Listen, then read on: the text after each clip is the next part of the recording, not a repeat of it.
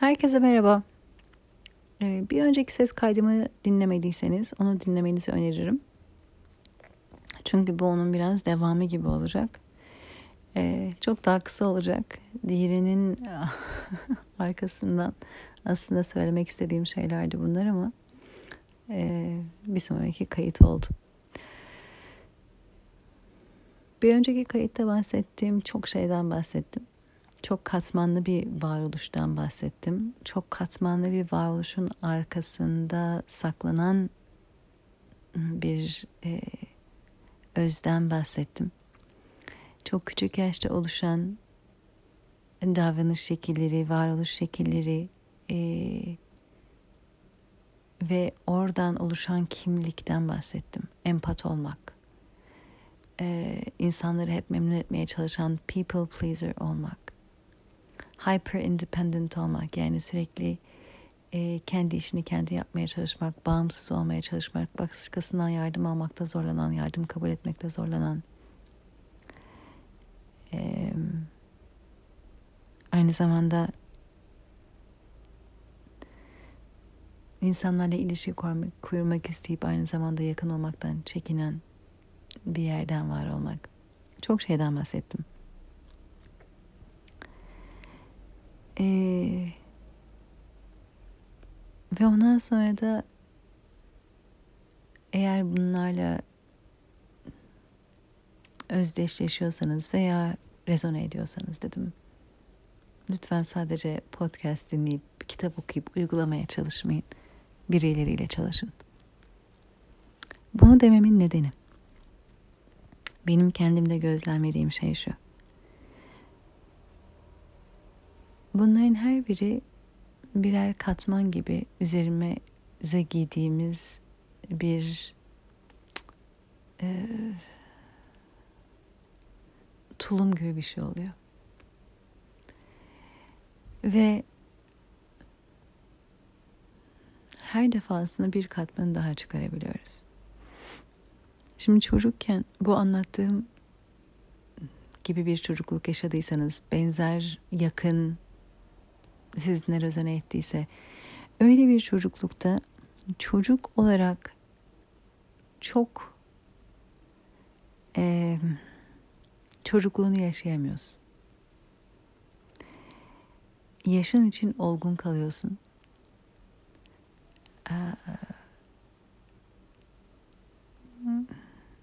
Bir kitap vardır olgunlaşmamış ebeveynlerin yetişkin çocukları diye. Yetişkin bir çocuk oluyorsun. İstek ve ihtiyaçlarını kendin göz ardı ediyorsun. İstek ve ihtiyaçların göz ardı edilmiş oluyor. Kendini arka plana atmış oluyorsun. Bir çocuğun yaşayacağı büyük duyguları yaşamıyorsun. Coşku, neşe, heyecan, yüksek sesle konuşmuyor. Bağırarak kahkaha atmıyorsun. Canın istedi diye illa bir şey yapmamazlık etmiyorsun. İlla canın istedi diye bir şey yapmayı da seçmiyorsun. Çoğu zaman kendini seçmiyorsun. Çoğu zaman içinden gelenin ne olduğunu anlayamayacak kadar kendine uzak kalmış oluyorsun.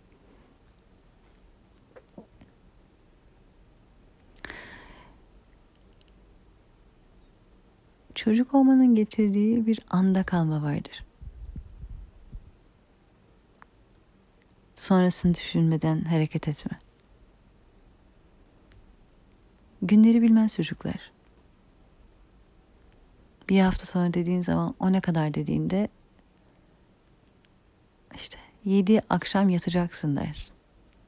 Yedi uykudan sonra dersin. Onlar için hayal etmesi zordur. O kavram yoktur. Şimdi ve burada vardır.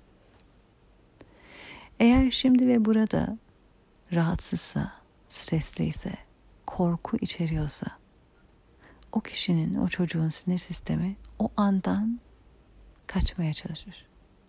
O anı baş edebileceği kadar iyi baş etmeye, kendini de o andan çıkartabileceği kadar çıkartmaya çalışır. Çocuklarda bazen görürsün kitaplara çok düşkün olurlar. Ben öyleydim mesela. Ve kitap okurken hiçbir şey duymazdım. İstediğiniz kadar konuşun benle, duymazdım dışarıdan gelen sesi. İstediğin kadar seslen duymazdım. Duymamazlıktan gelmezdim. Gerçekten duymazdım. Şimdi görüyorum ki dışarıya kapıyormuşum kendimi.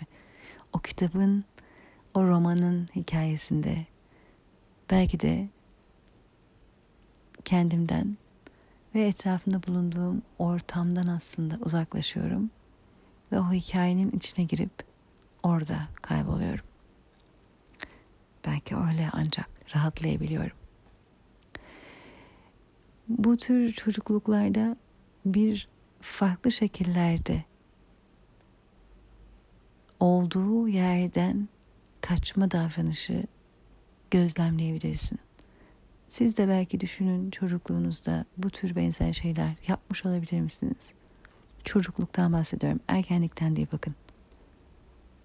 Farklı farklı şeyleri, yöntemleri olabilir insanların. Hızlı hızlı yemek yerdim. Akşam yemek sofrasında beraber yemek yerdik ailecek. Hızlı yerdim. Yemeğim bitti kalkabilir miyim derdim. Ders yapacağım. Mümkün olduğu kadar aslında orada olmamaya çalışan bir hal vardı. Korku ve tedirgin içindeydim. E, ev öyle, okulda bir önceki ses kaydımı dinlediyseniz bilirsiniz. Okulda öyleydi. İlkokula gittiğimde. E o zaman nerede güvende hissedeceğim? Güvende hissedeceğim bir yer yok. Bazen kendini rahat hissetmek için kendi içindeki anksiyeteden ve rahatsızlıktan uzaklaşmaya başlıyorsun. Bir çocuk olarak o zaman çocuk halinden uzaklaşıyorsun. Çocuğun o belki de spontane davranışları, anda kalıp içinden geleni yapmak istemesi, coşkusu, neşesi, büyük tepkileri. Belki hiçbirini yaşamıyorsun, yaşatmıyorsun kendine. İlkokul birdeyken annem kızım niye hemen dersini yapıyorsun, ödevini yapıyorsun derdi bana. Yapmam lazım derdim. Anksiyete, sorumluluk duygusu diyoruz biz ona. Ama aslında anksiyete o. Bir saat, iki saat, üç saat sonra yapsan Dışarıda arkadaşların oynarken aynı anda onlarla çıkıp oynasan, ödevini sonra gelince yapsan. Aslında orada dindirmeye çalıştığın bir anksiyete oluyor. Ama dışarıdan bakıldığında ona çok yüksek bir sorumluluk duygusu var deniyor. 6 yaşındaki çocuğun öyle yüksek bir sorumluluk duygusu varsa bana sorarsanız yüksek bir anksiyetesi var.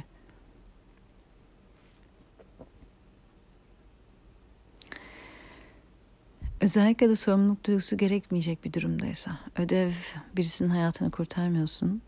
Bir saat sonra da yapabilirsin. O akşama yetiştirmeye çalışmıyorsun. Falan filan.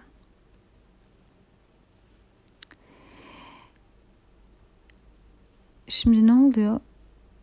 Yaşamı o zaman anksiyete duygusunu dindirmeye çalışır gibi yaşıyoruz tüm davranışların, tüm ilişkilerin, tüm aslında başarıların, tüm adımların içeride bir yerde ya değersiz olduğuna inandığın için onun yarattığı anksiyeteyi dindirmek için. İhtiyaçların ve isteklerin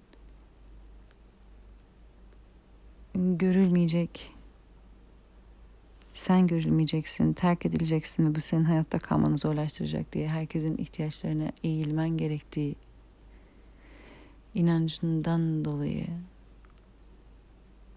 ona yetişmeye çalışmanın anksiyetesi, herkesi memnun etmeye çalışmanın anksiyetesi en derinde bir yerde aslında hayatını bu anksiyete yönetiyor ve sen bu anksiyeteyi gidermeye çalışarak yaşıyor oluyorsun.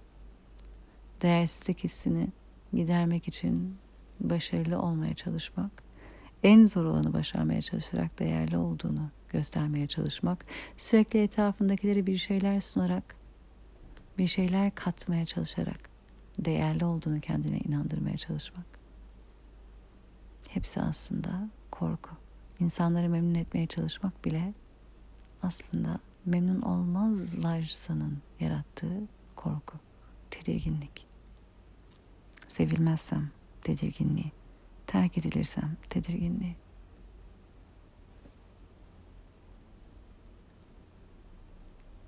Korkuyla coşku ve neşe aynı yerde barınamaz. Bunları yaşayarak büyüdüysen o bir çocuğun kahkahası, cıvıltısı orada olamaz. İşte yaşına göre çok olgun dedikleri sakin cinsinden bastırılmış bir varoluş olabilir. Ergenliğinde çok belki baş kaldırmışsındır. İsyan etmişsindir. Karşı çıkmışsındır. Reaksiyonel davranmışsındır. O farklı. O da neşe değil. O da coşku değil. O başka bir baş etme yöntemi. Bastırılmaktan, susmaktan, kendini inkar etmekten bunalmış, sıkılmış, kızgınlık içinde olan bir insanın tepkisi, isyanı o. Aslında yine aynı yerden geliyor. Çocuğun coşkusu, neşesi, o cıvıltısı gidermesi gerektiği bir anksiyetenin olmadığı bir yer. Korkunun olmadığı bir yer. Anın var olduğu, neşesinin, büyük duygularının, büyük tepkilerinin onu tehlikeye atmayacağını hissettiği bir yer. Birisini rahatsız edeceğim diye kendisini susturmak zorunda kalmadığı bir yer. Ben yakın zamanda bunu kendimde görmeye başladım. Yolda yürürken çok güzel bir ağaç gördüm. Böyle çiçekler vardı üzerinde morumsu mavimsi acayip güzeldi. Çok hoşuma gitti. Ve böyle orada yürürken bir anda aa diye böyle bir yüksek sesle şey yaptım. Arkadaşım yanımda ne oldu dedi. Çok güzel bir ağaç dedim. Farkında değildim böyle bir tepki verdiğimin. Arkadaşım gülmeye başladı. Ne kadar güzel bir tepki verdin dedi. O söyleyince fark ettim. Normalde eskiden olsa hiçbir yorum bile yapmam. Kendi kendime beğenirim ne kadar güzel bir ağaç diye içimden düşünerek yürüyüp giderim. Rahat hissediyordum artık. Evet. Bir çocuk gibi bir ağacın güzelliğine hayran kalıp onun coşkusunu yaşayabiliyordum. Yüksek sesle bunu hem tepkimi vererek hem de dile getirerek paylaşabiliyordum ben olmayı susturmadan, bastırmadan yaşayabiliyordum. İlk orada anladım. Ah dedim. İşte içimdeki çocuk çıkıyor. İçimdeki çocuk hiç daha önce şansı olmamış. Kendini ifade etme fırsatı olmamış. Kendini ifade etmeye kendi kendine izin vermemiş. Çekinmiş, korkmuş, bastırılmış. O çocuk Ve işte o çıktıkça insan daha bir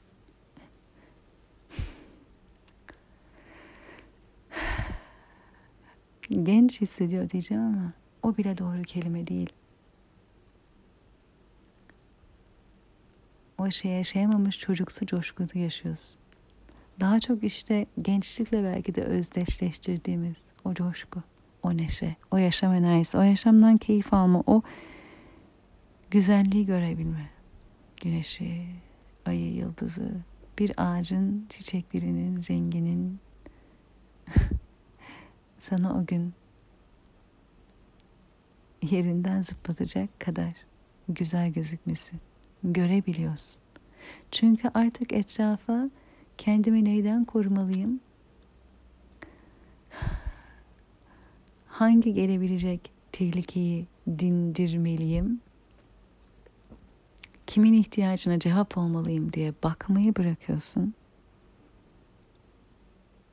Ve odağını oradan çektiğinde keyif alacağın, sana güzel görünen, zaten içinde hissettiğin rahatı, huzuru, keyfi yaşatan, yansıtan, gösteren güzellikleri görmeye başlıyorsun. Hem yaşamı hem kendini daha önce deneyimlemediğin bir yerden deneyimliyorsun. Benim için bu. Bu yaşımda çocukluğumun coşkusunu yaşamak olarak ortaya çıktı. Ve işte o yüzden de daha genç hissediyorum.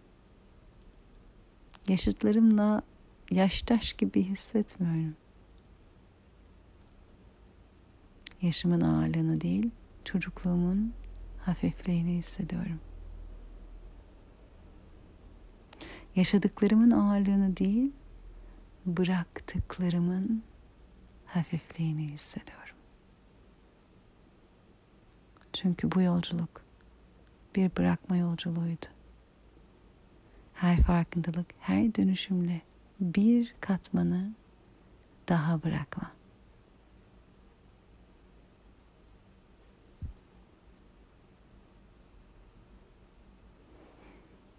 O yüzden bu coşku, bu keyif, bu neşe o katmanların altında. Bıraktıkça ortaya çıkıyor.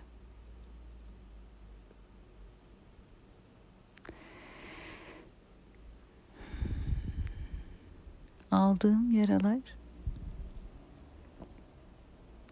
sanki pencereler olmuş varoluşumun derinlerine özüme. Oturup o yaraları sarmadım aslında. Şu an bakınca onu görüyorum. O yaralardan içeri baktım. O yaralardan oluşan deliklerden içeri bakarak içeride ne var diye baktım. Yaralar bu üstümüze girdiğimiz kabukta oluyor çünkü. O kişiliğimi, karakterim diye edindiğin o kabuk var ya, o kılıf var ya. Oradan yara alıyoruz. O yaraları sarmaya çalışmak hala kılıfı kabuğu yamalamaya çalışmak gibi. Onu sarmaya çalışmak değil de o yaraların açtığı pencerelerden içeri bakarak öze doğru bir yolculuk olmuş bu süreç. O yaraları çarmaya çalışmak yamaları yapmaya çalışmak hala kılıfı korumaya çalışmak olur çünkü. Bir önceki ses kaydında bahsettiğim gibi o montu söküklerini yapmak gibi olur.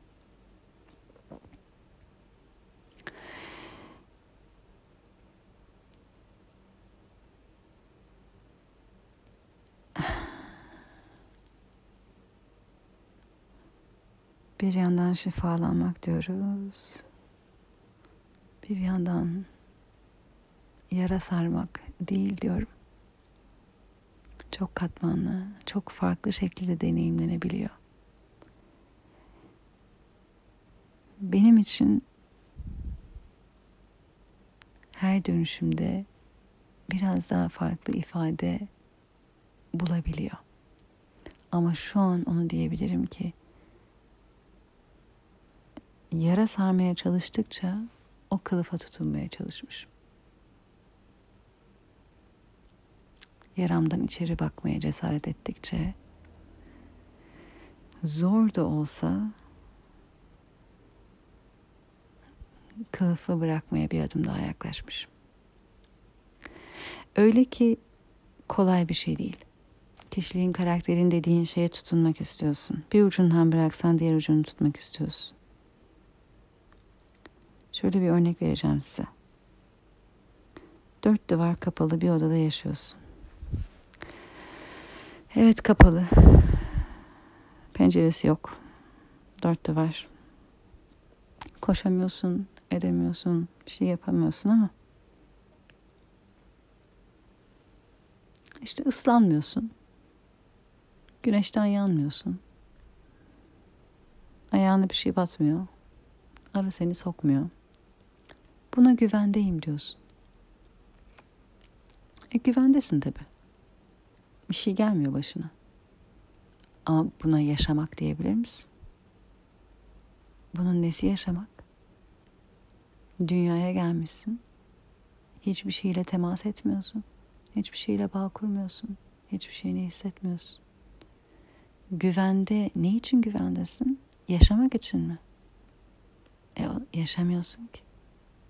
Yaşayabilmek için güvende olmuyorsun o zaman hayatta kalabilmek için güvende oluyorsun. E peki niye hayatta kalıyorsun? Yine yaşamak için değil mi?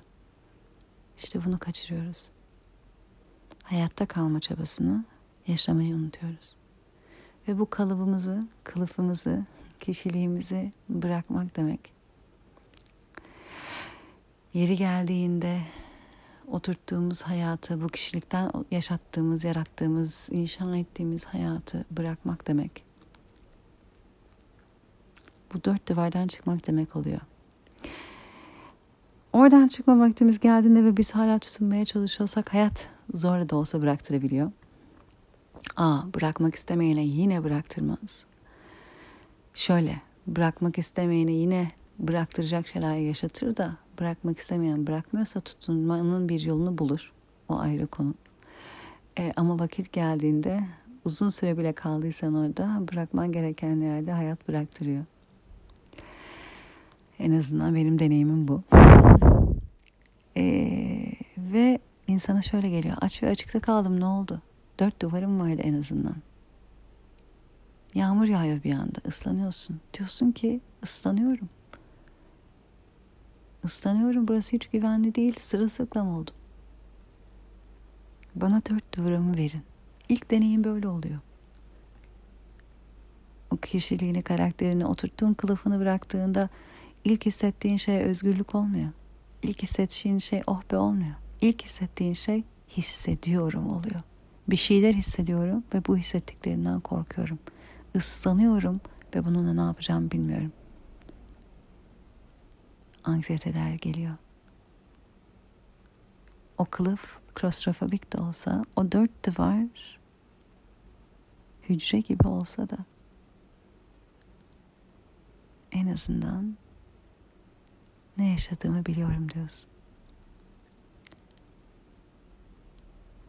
Esen rüzgardan çekiniyor, ıslatan yağmurdan korkuyorsun. Bir şeyler hissediyorum ve emin değilim diyorsun. Sonra güneş çıkıyor. Kurutuyor seni. Bir rahatlıyorsun, okey. Panik yapmaya gerek yok. Ama daha keyfini çıkaramıyorsun. Daha hala hayatta kalma mücadelesindesin. Survival. Hissetmenin, böyle yoğun hissetmenin, böyle güzel hissetmenin ne büyük bir keyif olduğunu daha tam anlamıyorsun. Sonra bir kelebek geliyor, konuyor yanı başına. O an unutuyorsun korkularını. Onun güzelliğine kalıyorsun. Hareketine, uçuşuna seni ana getiriyor. Bir an için güzel bir şey hissediyorsun. Eh belirsizlikle yaşadıysan güzelin arkasından ah, tedirgin edecek ne var diye bakmaya başlayabilirsin. Sonra beklediğin gelmiyor. Biraz biraz biraz hissetmeye başlıyorsun. Yağmurdan sonraki çimenin kokusunu, toprağın kokusunu ağaçların hışırtısını, uçan kuşları, kuşların şarkısını. Evet, tabii ki yürürken ayağına bir şey batabiliyor. Ara gelip sokabiliyor. Ee, yağmur yağıp ıslatabiliyor. Güneş çok fazla ısıtabiliyor. Evet, her deneyim en keyifli deneyim olmayabiliyor. Ama yaşıyorsun. Yaşadığını hissederek yaşıyorsun.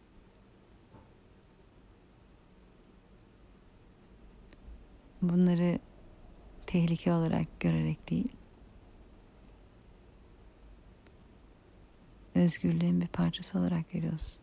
Temas içinde olmanın bir parçası olarak görüyorsun. Ne ayağına batan diken ne seni sokan arı sana karşı değil. seni incitmeye çalışmıyor. Sadece temas farklı farklı olabiliyor.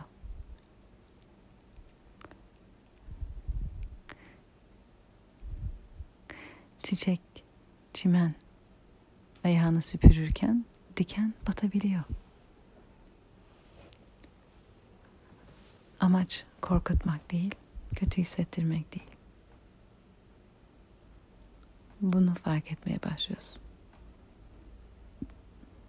Hayattan kendini korumaya çalışır gibi değil de hayatla temas etmek isteyerek yaşamaya başlıyorsun. İşte içindeki çocuk dediğim de bu oluyor. Hayata karşı mücadele eder gibi değil, kendini hayattan korumaya çalışır gibi değil. O dört duvarlı küçücük yere girmeye çalışır gibi değil de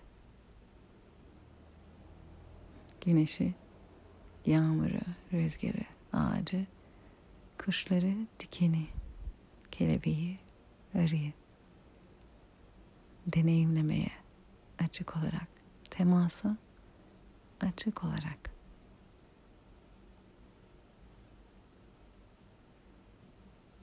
Varoluşun keyfini, coşkusunu, neşesini yaşamaya açık olarak var oluyorsun. Canın acımıyor demek değil bu. Zor günler olmuyor demek değil bu. Ama onlar seni kaçırmıyor. Ama onlar o dört duvara geri gitmeyi istemene neden olmuyor. Bu açık alanda olmak, asıl özgürlük, asıl sen, asıl yaşamak. Kendin olmak sorunsuz olmak değil. Problemsiz olmak değil. Özünden var olmak, güllük gülistanlık yaşamak değil. Özgürce yaşamak. Sen olmaktan çekinmeden yaşamak.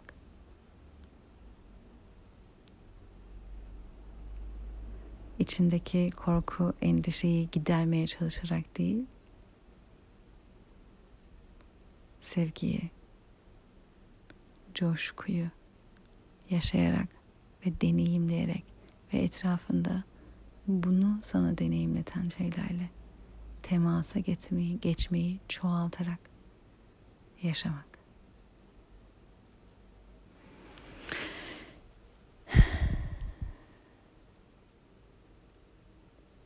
Son zamanlarda ne düşünüyorum biliyor musunuz?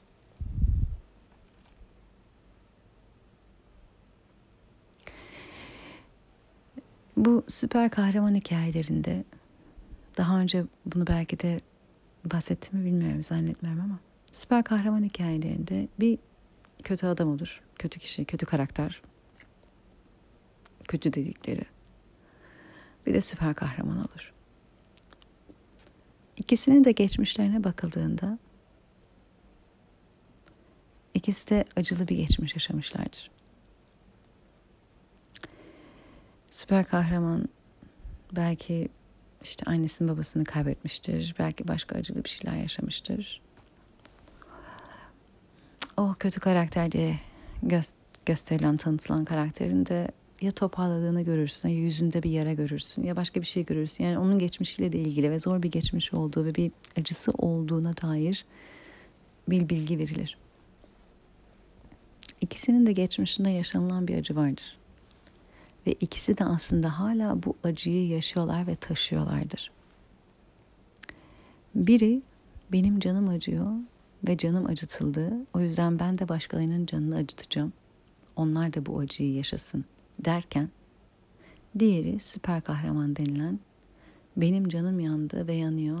Kimse bunu yaşamasın diyordur. İkisi de acısından davranıyor. Evet biri başkaları bu acıyı yaşamasın diye uğraşıyor. Diğeri benim canım acıyor, onların da canı acısın diyor. Ancak ikisi de acıdan var oluyor. İkisi de kimlikleri ortaya çıkmasın diye uğraşıyor. İkisi de acılarını her gün taşıyor. İkisi de acılarının yönlendirmesiyle yaşıyor. İkisi de acıları tarafından güdülüyor.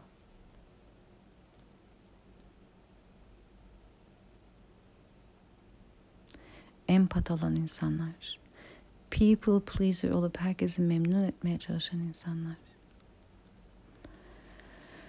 çok duyarlı olup herkesin yardımına koşmaya çalışan insanlar, kendi yardıma ihtiyacı varken hiçbir şeye ihtiyacı yokmuş gibi bağımsız takılıp herkesin yardımında orada olmaya çalışan insanlar. Ama kimseye yük olmayayım diye kendi ihtiyaçlarını dile bile getirmeyen insanlar. Süper kahraman gibi yaşamaya çalışıyorlar. Başkalarının acılarını çok rahat anlayabiliyorlar kendi acılarını bildikleri için kendi acılarını dindireceklerine başkalarınkini dindirmeye çalışıyorlar. Kendi acıları çok ağır çünkü. Bunu yapmak acını dindirmiyor. Tam tersine acın seni yönetiyor. Her ne kadar davranışta belki devlet toplum de devleti toplum tarafından çevren tarafından pohpohlansan da, övülsen de, istensen de, beğenilsen de sen acın tarafından yönetiliyor oluyorsun aslında. Senin acın geçmiyor. O seni yönetiyor. Ve işte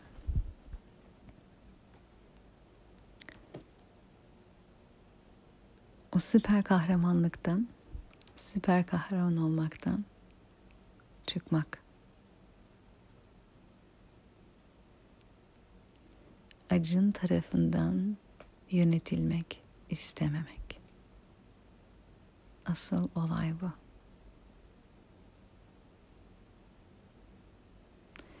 Ve benim deneyimimde benim kendi içsel bilgimde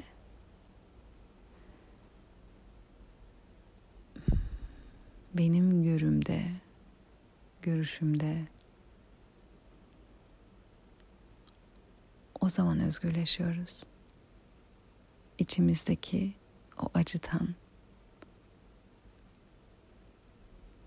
yönetilmemeyi seçtiğimiz zaman ve bunun için adım atmaya karar verdiğimizde özgürlüğümüze doğru biz olmaya doğru, kendimiz olmaya doğru adım atıyoruz.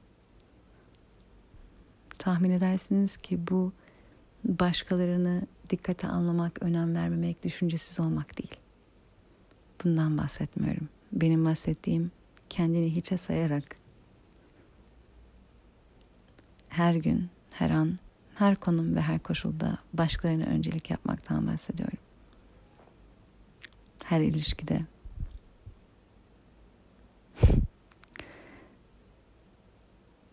Bu değil. Evet. Ee, evet. Ne süper kahraman olmak hmm, ne de villain o hikayelerdeki kötü kişi olmak buradaki amaç. Öyle bir şey ki şunu da yaşamış olabilirsiniz. Birisi canınızı acıtıyorsa ve siz canının acıması ne kadar kötü bir şey biliyorsanız ve bir başkası bunu yaşamasın diye uğraşıyorsanız yaşamasın istiyorsanız birisi sizin canınızı acıttığında bile o kişiye karşılık vermiyor olabilirsiniz. Bu tip bizler bunu da yapıyoruz çünkü. Benim canım acısa da onun canı acımasın. Kimsenin bu bunu yaşamasını istemem. Çok ilginç bir şekilde insanlar bunu sanki o zaman hak ediyormuşsun da o yüzden ses çıkartmıyormuşsun gibi de yorumlayabiliyor. Yine o süper kahramanlıktan geliyor bu işte. Kimsenin canı yanmasın, kimsenin canı acımasın. Evet, çok iyi bir insansınız bunu yaparak. Ve insanlar yanlış anlıyor sizi. Hak ettiğinizden susmuyorsunuz. Siz o insanı o insandan daha fazla düşünüyorsunuz. Canınızı yaksa bile siz onun canını yakmak istemiyorsunuz. Ama orada yapılacak başka şeyler var. Kimsenin canını yakmak zorunda değilsiniz. Ama durumu kabul etmek zorunda da değilsiniz. Alttan almak zorunda da değilsiniz. Tolere etmek zorunda da değilsiniz.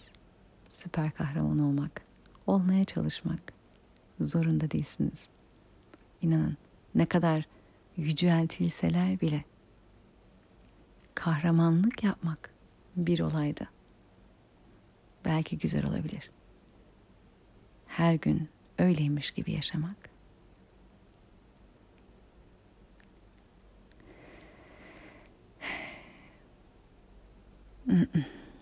saklanarak yaşamak olur. Kendinden saklanarak.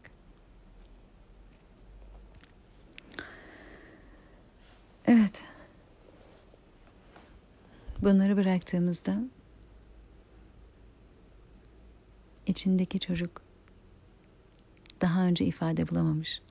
Çocukluğunda kendisine alan bulamamış.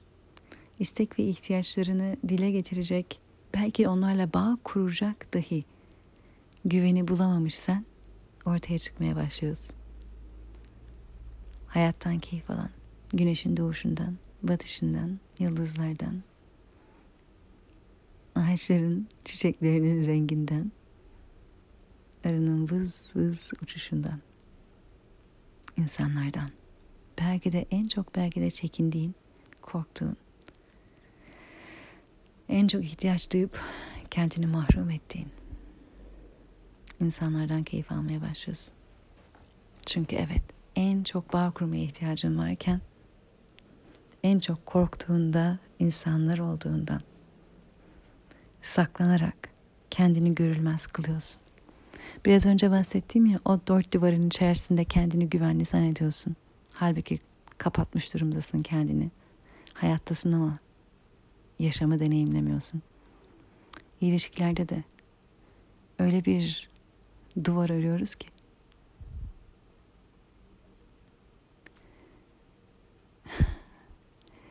en çok istediğimiz şey biri o duvardan içeri girmeye cesaret etsin. Bizi gelsin görsün, bizi deneyimlesin. Ama o kadar korkuyoruz ki gelirse diye dışında tutuyoruz. O kadar istiyoruz ki biri bizi anlasın. Ama biz daha kendimize birine ifade etmekten geri tutuyor oluyoruz. Bunlar bitiyor. En ihtiyacın olan şey bağ iken, görülmek iken uyumlu olarak, ses çıkarmayarak başka insanların ihtiyaçlarını aslında huyuna suyuna giderek kendini görülmez kılıyor oluyorsun. Kendini kendi ihtiyacından mahrum ediyorsun.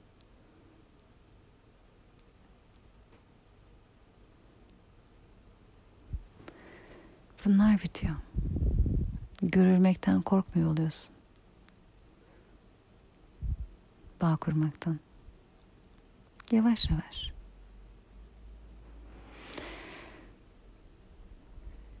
Ve asıl her şeyi dönüştüren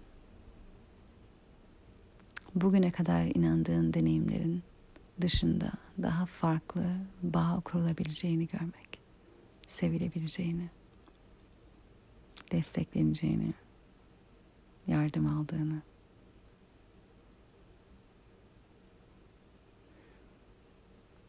Kendi değerini kanıtlamaya çalışmadan hiçbir şeyi kanıtlamaya çalışmadan değerli olup kabul görüp sevildiğini hissetmek. Bir şeyi kanıtlamaya çalışmadan yaşamaya başlıyoruz. İspat etmeye çalışmadan. Zor olanı sadece zor olduğu için başarmaya çalışmadan.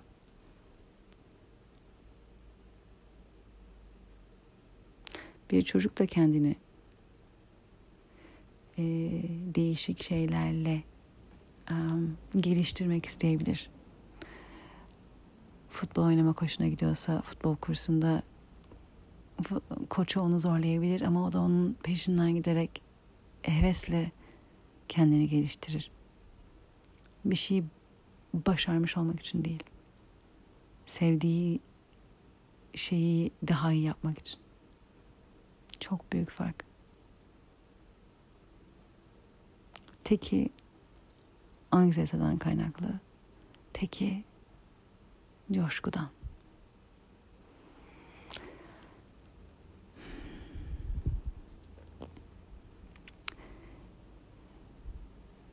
Evet, dileğim sizin de kendiniz için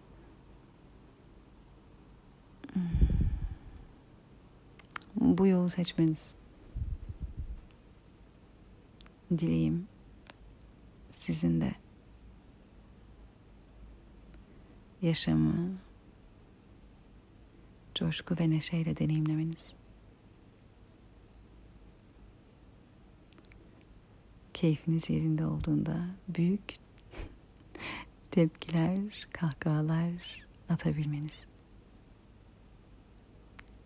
Değerli olduğunuzu kanıtlamaya çalışmadan sevildiğinizi rahatlıkla kabul ettiğiniz bir varoluş.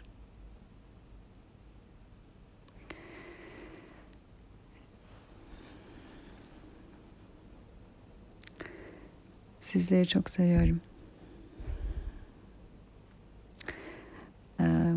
Her zaman dediğim gibi beraber çalışmak isterseniz bana yazın. Instagram'dan Sound of Seda'dan yazabilirsiniz. Web sitem sedaerkman.com'dan girip e, e-mail atabilirsiniz. Workshoplar veriyorum, kamplar veriyorum, birebir çalışıyorum. İhtiyacınız neyse, size uygun olan neyse e, o şekilde çalışabiliriz. Umarım bir yerde bir gün buluşmak dileğiyle. Sevgiyle kalın.